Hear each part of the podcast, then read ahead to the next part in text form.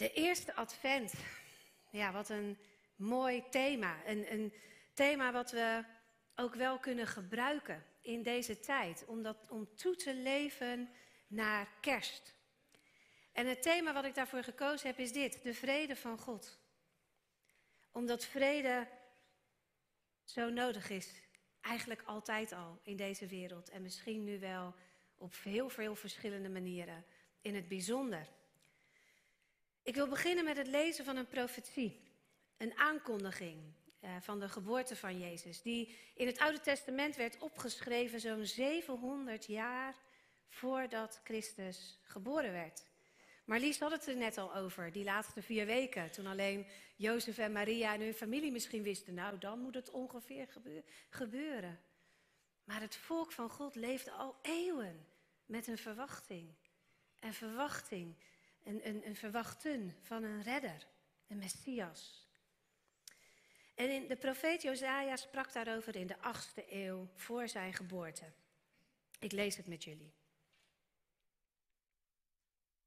Iets kleiner. Ik moet nog even wennen dat dat er thuis toch wat groter uitziet dan hier. Maar nou ja, voor de goede ogen, lees mee. Thuis kun je zeker meelezen. En uh, hier lees ik het voor. Het volk dat in duisternis ronddoolt, ziet een schitterend licht. Zij die in het donker wonen, worden door een helder licht beschenen. U hebt het volk weer groot gemaakt.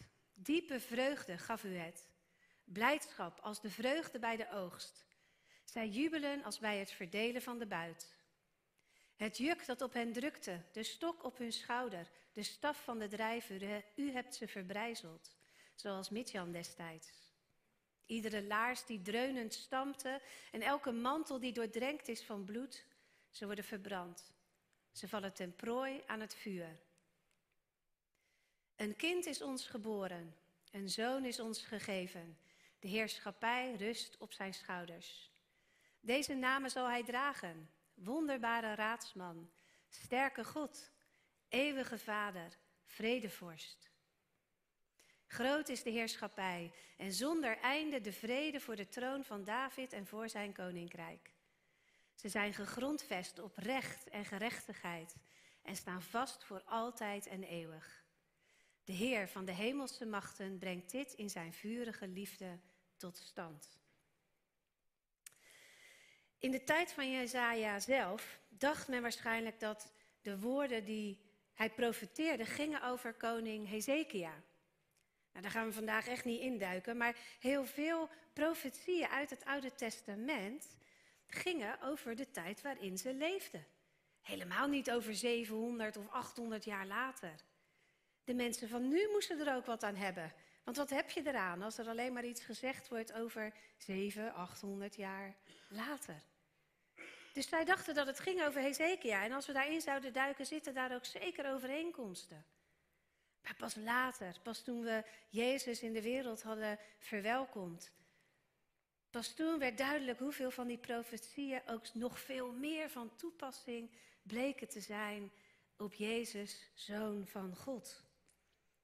Dat het ging over zijn komst en zijn heerschappij. De namen die voor het kind gebruikt worden door Jezaja gebruiken we nog steeds voor Jezus. Wonderbare raadsman, sterke God. Eeuwige Vader gebruiken we misschien niet zo voor Jezus, maar we weten van de drie ene God die Vader, Zoon en Geest is. Vredevorst. De profetie spreekt over een zoon over een kind ons geboren. Wat een echt kerstzinnetje is dat ook. Een kind ons geboren. Een koning die vrede komt brengen, waaraan geen eind zal komen. En aan het begin van deze advent is het die vrede waar ik het met jullie over wil hebben. En het woord wat hier gebruikt wordt is het overbekende shalom. Onder het Joodse volk is shalom bijna een soort gewone groet geworden. Zoals wij hoi, hallo tegen elkaar zeggen. En bijna terloops. Terwijl de betekenis van het woord shalom zo ontzettend veel dieper gaat. En, zo vergaat het heel vaak. De, de betekenisvolle woorden die we kunnen spreken, als we het heel vaak gaan doen, dan wordt het een beetje terloops. Als ik heel eerlijk ben, dan hadden uh, Twan en ik zijn opgegroeid in gezinnen waar de ik hou van jou niet uh, van de daken regende. Of eigenlijk beter gezegd nooit uitgesproken werden. En wij vonden dat belangrijk. Dus toen wij samenkwamen, spraken we af, dan gaan we veel tegen elkaar zeggen. Veel ik hou van jou tegen elkaar zeggen. En gaandeweg hebben we op een gegeven moment op moeten merken dat als je het heel vaak gaat zeggen, dat het terloops wordt. En dat we het eigenlijk zomaar zeiden als we het niet eens zo heel erg voelden. Niet omdat we het niet voelden, maar gewoon omdat het zo gewoon werd om te zeggen. En we hebben dat weer terug moeten winnen. We zijn het weer, we, zijn we hebben ook echt afgesproken, hier stoppen we mee. En gaan, we gaan het weer zeggen als we het werkelijk voelen. En als we met elkaar in verbinding zijn, als we elkaar aankijken. En zo verging het ook met de vredeswens in de kerken. Ik, uh, ik weet niet of er mensen hier zijn die dat kennen, eh, elkaar de vrede wensen. Ik bedoel niet een gezegende dienst, maar heb je wel eens meegemaakt in een kerk dat mensen elkaar vrede wensten? Nou, ik zie wat hoofden knikken, maar ook een paar hoofden echt zo doen. Ik denk ook dat het meer of het langer aanwezig is geweest in de katholieke traditie. Daar doet men het nog steeds. Maar in de vroege kerk lezen we erover. Over elkaar de vrede wensen. Vaak zelfs met een kus. Nou, dat is een beetje uitgesloten in coronatijd. En dat doen ze ook in de katholieke kerk niet. Daar gaven ze in ieder geval voor corona, voor het avondmaal, de Eucharistie zoals ze die daar vieren, gaven de mensen, zoals wij elkaar een gezegende dienst wensen, elkaar een hand en wensten ze elkaar de vrede. Of vrede van Christus. En, en dat is een, zoals we dat hier ook hebben. Het voelt een beetje hetzelfde. Als er mensen naast je zitten die je kent, voelt het anders dan wanneer het een vreemde is. Maar nou ja, het is ook wel even een moment van leuk. Ik zie jou, fijn dat je er bent. Ik voel wat van verbondenheid. En nou, zo. Maar je zegt hier gezegende dienst en daar zeg je vrede. Eigenlijk ben je helemaal niet bezig met dat woord vrede. Wat wens je iemand nou eigenlijk als je zegt vrede? Waar gaat dat dan over? Wens ik je de afwezigheid van oorlog? Of, of wens ik je rust toe? Rust in je hoofd misschien of in je leven? Nou, de eerlijkheid gebiedt dat je daar überhaupt niet over nadenkt op het moment dat je die wens uitspreekt. Het is haast een soort terloops geworden. Het shalom, het woord wat we vertalen met vrede, en waar die vredeswens oorspronkelijk vandaan kwam, uit het, bij het Joodse volk vandaan, gaat over iets veel diepers dan alleen maar de afwezigheid van oorlog of rust in je hoofd. Het gaat over heel veel verschillende dingen. En ik heb er zomaar eens wat rondom dat woord gezet. Het gaat over heelheid. Het gaat over compleetheid. Dat is misschien een beetje hetzelfde. Het gaat over integriteit. Het gaat over veiligheid. Over verbondenheid. Gerechtigheid. Over goddelijke orde in het leven. Over voorspoed. Ik las ergens een citaat. Shalom is de geur van Gods koninkrijk. Wauw. Het, het, het woord vrede, of zelfs dat woord shalom, als het achterloos gebruikt wordt, dekt toch die lading niet. Het werkelijk elkaar toewensen van shalom betekent dat je elkaar de ervaring van het koninkrijk van God toewenst. Stel je dat eens voor, iedere keer dat je een ander vrede wenst, nou ja, dat doen wij dan niet zo in die taal, maar laten we zeggen bij elke begroeting, bij elk hallo, als je je dan even bewust zou zijn, heel even maar, van de geur van Gods koninkrijk. Dat dat de plek is waar je je bevindt en dat dat de ervaring is die je de ander en daarmee ook jezelf toewenst. En het komt door Jezus. Het is die vrede, die shalom, die ervaring die het kind waarover Jezaja spreekt, ons komt brengen. Het is wat de engelen tegen de herders zeggen. Eer aan God in de hoogste hemel en vrede op aarde voor alle mensen die hij lief heeft. Anders gezegd, mag het met het kind in de wereld, Gods eigen zoon, komt de ervaring van Gods koninkrijk binnen ons bereik. Ook Paulus spreekt tegen de gemeente in Efeze over die vrede die Jezus kwam brengen. Ik lees een stukje uit Efeze 2. Want Hij is onze vrede. Hij is onze vrede. Christus is onze vrede. Hij die met zijn dood de twee werelden één heeft gemaakt. De muur van vijandschap ertussen heeft afgebroken en de wet met zijn geboden en voorschriften buiten werking heeft gesteld. Om uit die twee in zichzelf één nieuwe mens te scheppen. Kan je alleen al vier preken overhouden over dit stukje. Zo bracht hij vrede en verzoende hij door het kruis beide in één lichaam met God. Door in zijn lichaam de vijandschap te doden. Vrede kwam hij verkondigen aan u die ver weg was. En vrede aan hen die dichtbij waren. Dankzij hem hebben wij allen door één geest toegang tot de Vader. De context van, van deze woorden van Paulus, die zijn natuurlijk heel specifiek eigenlijk voor een, een gemeente of een, misschien een aantal gemeentes in Efeze of de omgeving daarvan. En de gemeentes daar bestonden voor een, nou ja, zoals op veel plekken, maar niet overal, zowel uit Joden als uit heidenen. Mensen die niet tot het Joodse volk behoorden. En die kwamen in dezelfde gemeente en dat was tot op dat moment in het Jodendom echt ondenkbaar geweest. Die twee groepen, die mixten helemaal niet. In de Joodse tempel stond letterlijk een muur van waarachter er alleen nog maar mensen van het Joodse volk mochten komen.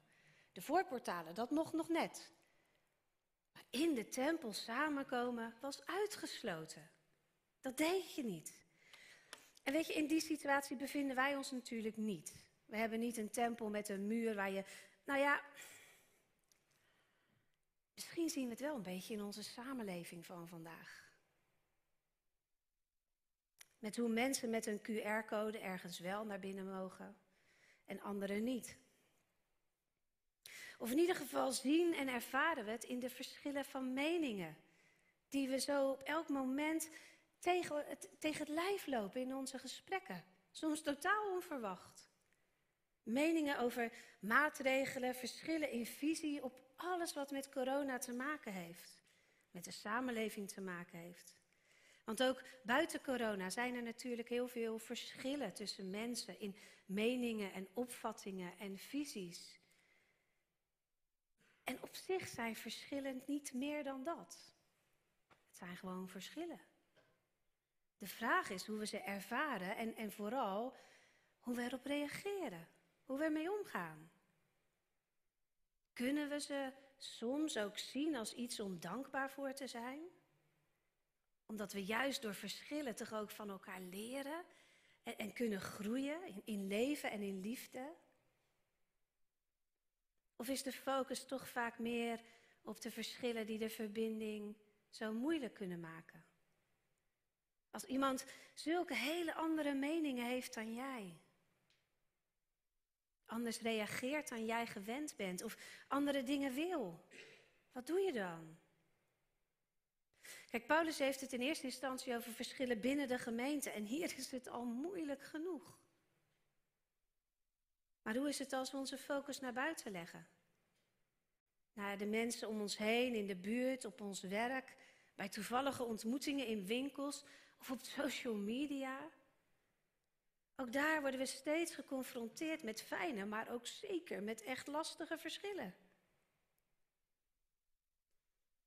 En voor steeds meer mensen is de oplossing om de mensen die op een lastige manier van ons verschillen, maar gewoon te blokken. Te ontvrienden. Of te snoezen als we het niet meteen de knoop door durven hakken. En eerlijk is eerlijk, ik ben er ook wel schuldig aan. Het is niet vaak gebeurd, maar pas nog.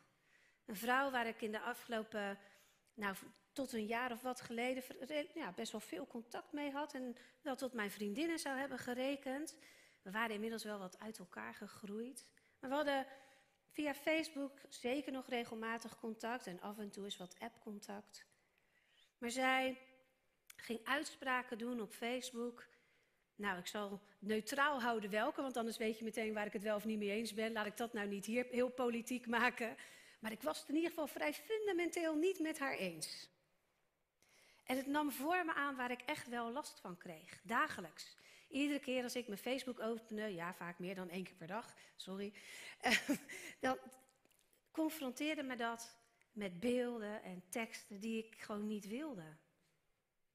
En dus heb ik haar, ik heb niet ontvriend, maar ontvolgd. Dat kan dan ook nog, hè? dan blijf je wel vrienden, maar dan uh, zie je elkaars post. Dat zie, zie ik haar post niet meer.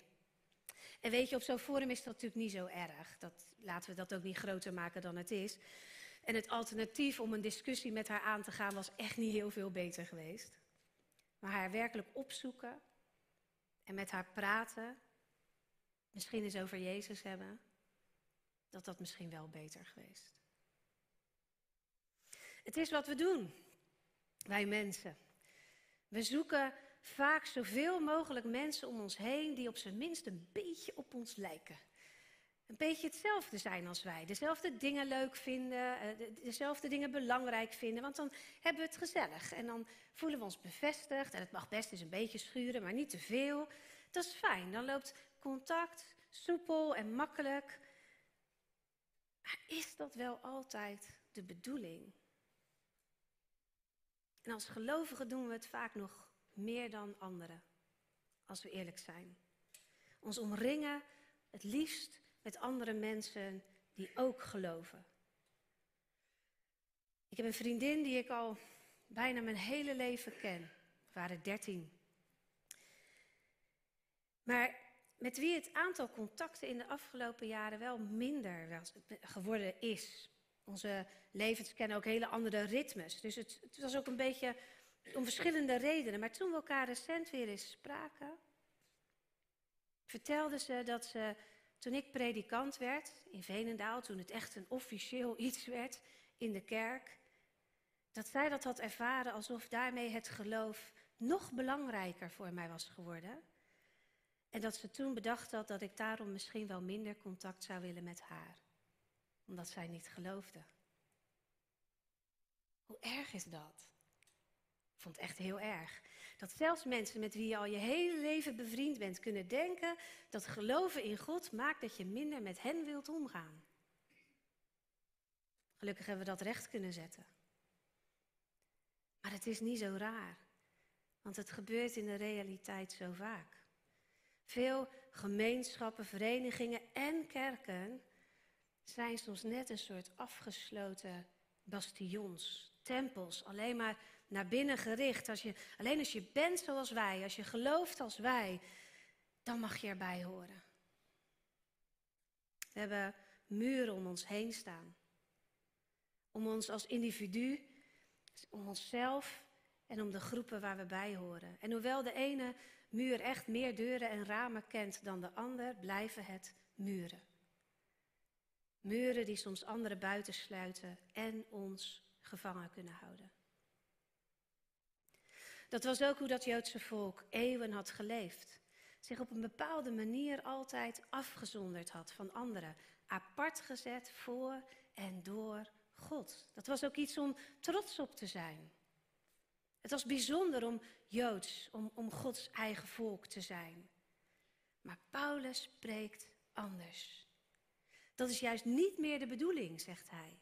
Integendeel, in de vroege kerk waren al gauw mensen vanuit allerlei verschillende achtergronden, met allerlei verschillende interesses, talenten, rituelen, gebruiken, kennis, cultuur, noem het maar op. En ook mensen die al helemaal bekeerd waren, maar ook mensen die nog worstelden met het geloof. Met hoe dat nieuwe geloof schuurde, met, met wat ze hun hele leven anders hadden geloofd. Er waren ook mensen die eigenlijk alleen nog maar geïnteresseerd waren en helemaal nog niet geloofden. Alles zat door elkaar. En daar brengt Jezus vrede, zegt Paulus. Juist waar de verschillen groot zijn, dat is waar we shalom mogen ervaren door Jezus Christus, die onze vrede is. Door Christus worden de muren afgebroken. Hij verenigt ons tot de ene mensheid die we zijn. En door Hem hebben we allemaal Gods geest in ons wonen, die ons maakt tot één gezin. Met alle verschillen die er zijn. Dit is de plek waar relaties gebouwd mogen worden. Dankzij en ondanks grote verschillen. Daardoor horen we allemaal bij God. En even verderop gaat Paulus verder in de brief. Mogen Hij, Jezus, vanuit Zijn rijke luister uw innerlijk wezen kracht en sterkte schenken door Zijn geest, zodat door uw geloof Christus kan gaan wonen in uw hart en u geworteld en gegrondvest blijft in de liefde. Dan zult u met alle heiligen de lengte en de breedte, de hoogte en de diepte kunnen begrijpen. Ja, de liefde van Christus kennen, die alle kennis te boven gaat, opdat u zult volstromen met Gods volkomenheid. Door ons geloof kan Christus wonen in ons hart.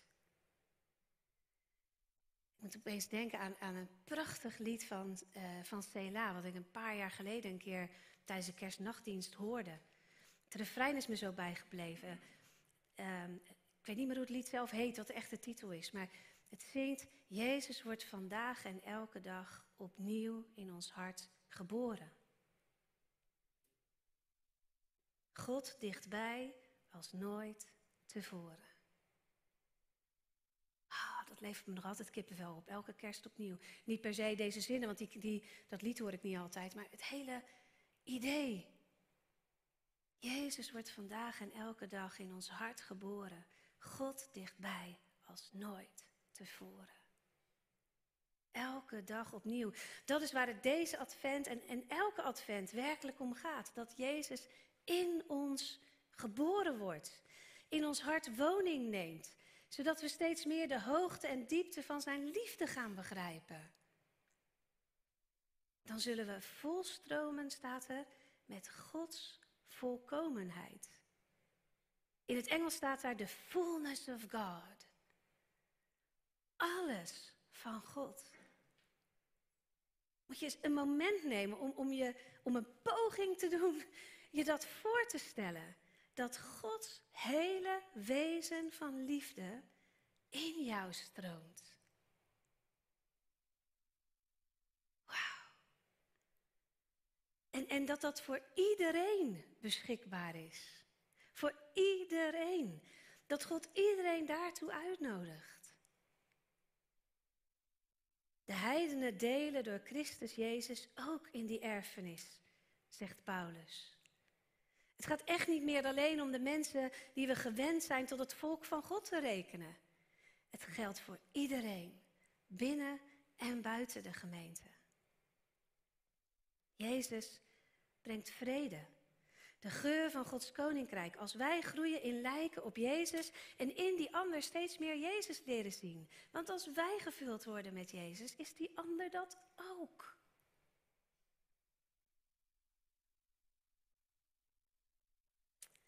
En dan zijn we zelf vredestichters. Waar Jezus over spreekt in de bergreden. Gelukkig of zalig in de oude taal. De vredestichters, want zij zullen kinderen van God genoemd worden. We zijn vredestichters als we de geur van Gods koninkrijk bij de ander brengen en ervaren en ontvangen. Daar is shalom. Daar is Gods koninkrijk. Naar de mensen brengen, het verkondigen, dat is het doel. Iedereen uitnodigen om dat te ervaren. Dat koninkrijk van God. Dat mensen zicht geeft op, op, op die vrede, op die shalom. Doordat wij het ook voorleven. Het zien in onszelf en in de ander. Dan worden we een soort richtingaanwijzers. Pijlen naar het koninkrijk. Daar, hier, kom. Zoek en vind. Dus laten we vredestichters zijn. Altijd. Misschien deze adventtijd wel in het bijzonder. Dat daar waar we komen, we de geur van Gods koninkrijk brengen. Ook als we verschillen. Dankzij en ondanks. onze verschillen. Want juist omdat die verschillen er zijn, kunnen we Gods koninkrijk ervaren. Juist daar brengt Jezus zijn shalom. Binnen en buiten de gemeente de verschillen voorbij. Want die zijn soms lastig. Maar ze hoeven ons nooit weg te houden van de vrede van Christus. Laten we ons steeds opnieuw bewust zijn, al voor kerst, dat Jezus vandaag en elke dag opnieuw in ons hart, maar dus ook in het hart van die ander, geboren wordt. Dat we hem meenemen in al onze contacten, dat we vol mogen zijn van de fullness of God, van de volheid van Gods liefde. En dat we dat ook steeds in die ander zoeken. Niet te verschillen, maar dat wat ons verbindt. Want dan, zegt Paulus in een andere brief, dan zal de vrede van God, die alle verstand te boven gaat, uw hart en gedachten in Christus Jezus bewaren. Amen. Amen. Terwijl de band terugkomt, wens ik jullie dus ook de vrede van God, de geur van Gods koninkrijk. En laten we dat elkaar hier en de mensen thuis ook thuis toewensen met het volgende lied, Overbekend. En, en als je thuis bent, en misschien ben je alleen. Of misschien vind je het hier moeilijk om mensen aan te kijken. Keer dan wat naar binnen en neem wat mensen in gedachten. Neem mensen in gedachten die je in het bijzonder Gods vrede in dit moment en in deze weken toe wil wensen. En als je het niet van binnen doet, kijk elkaar dan aan. En wens elkaar echt de vrede van God.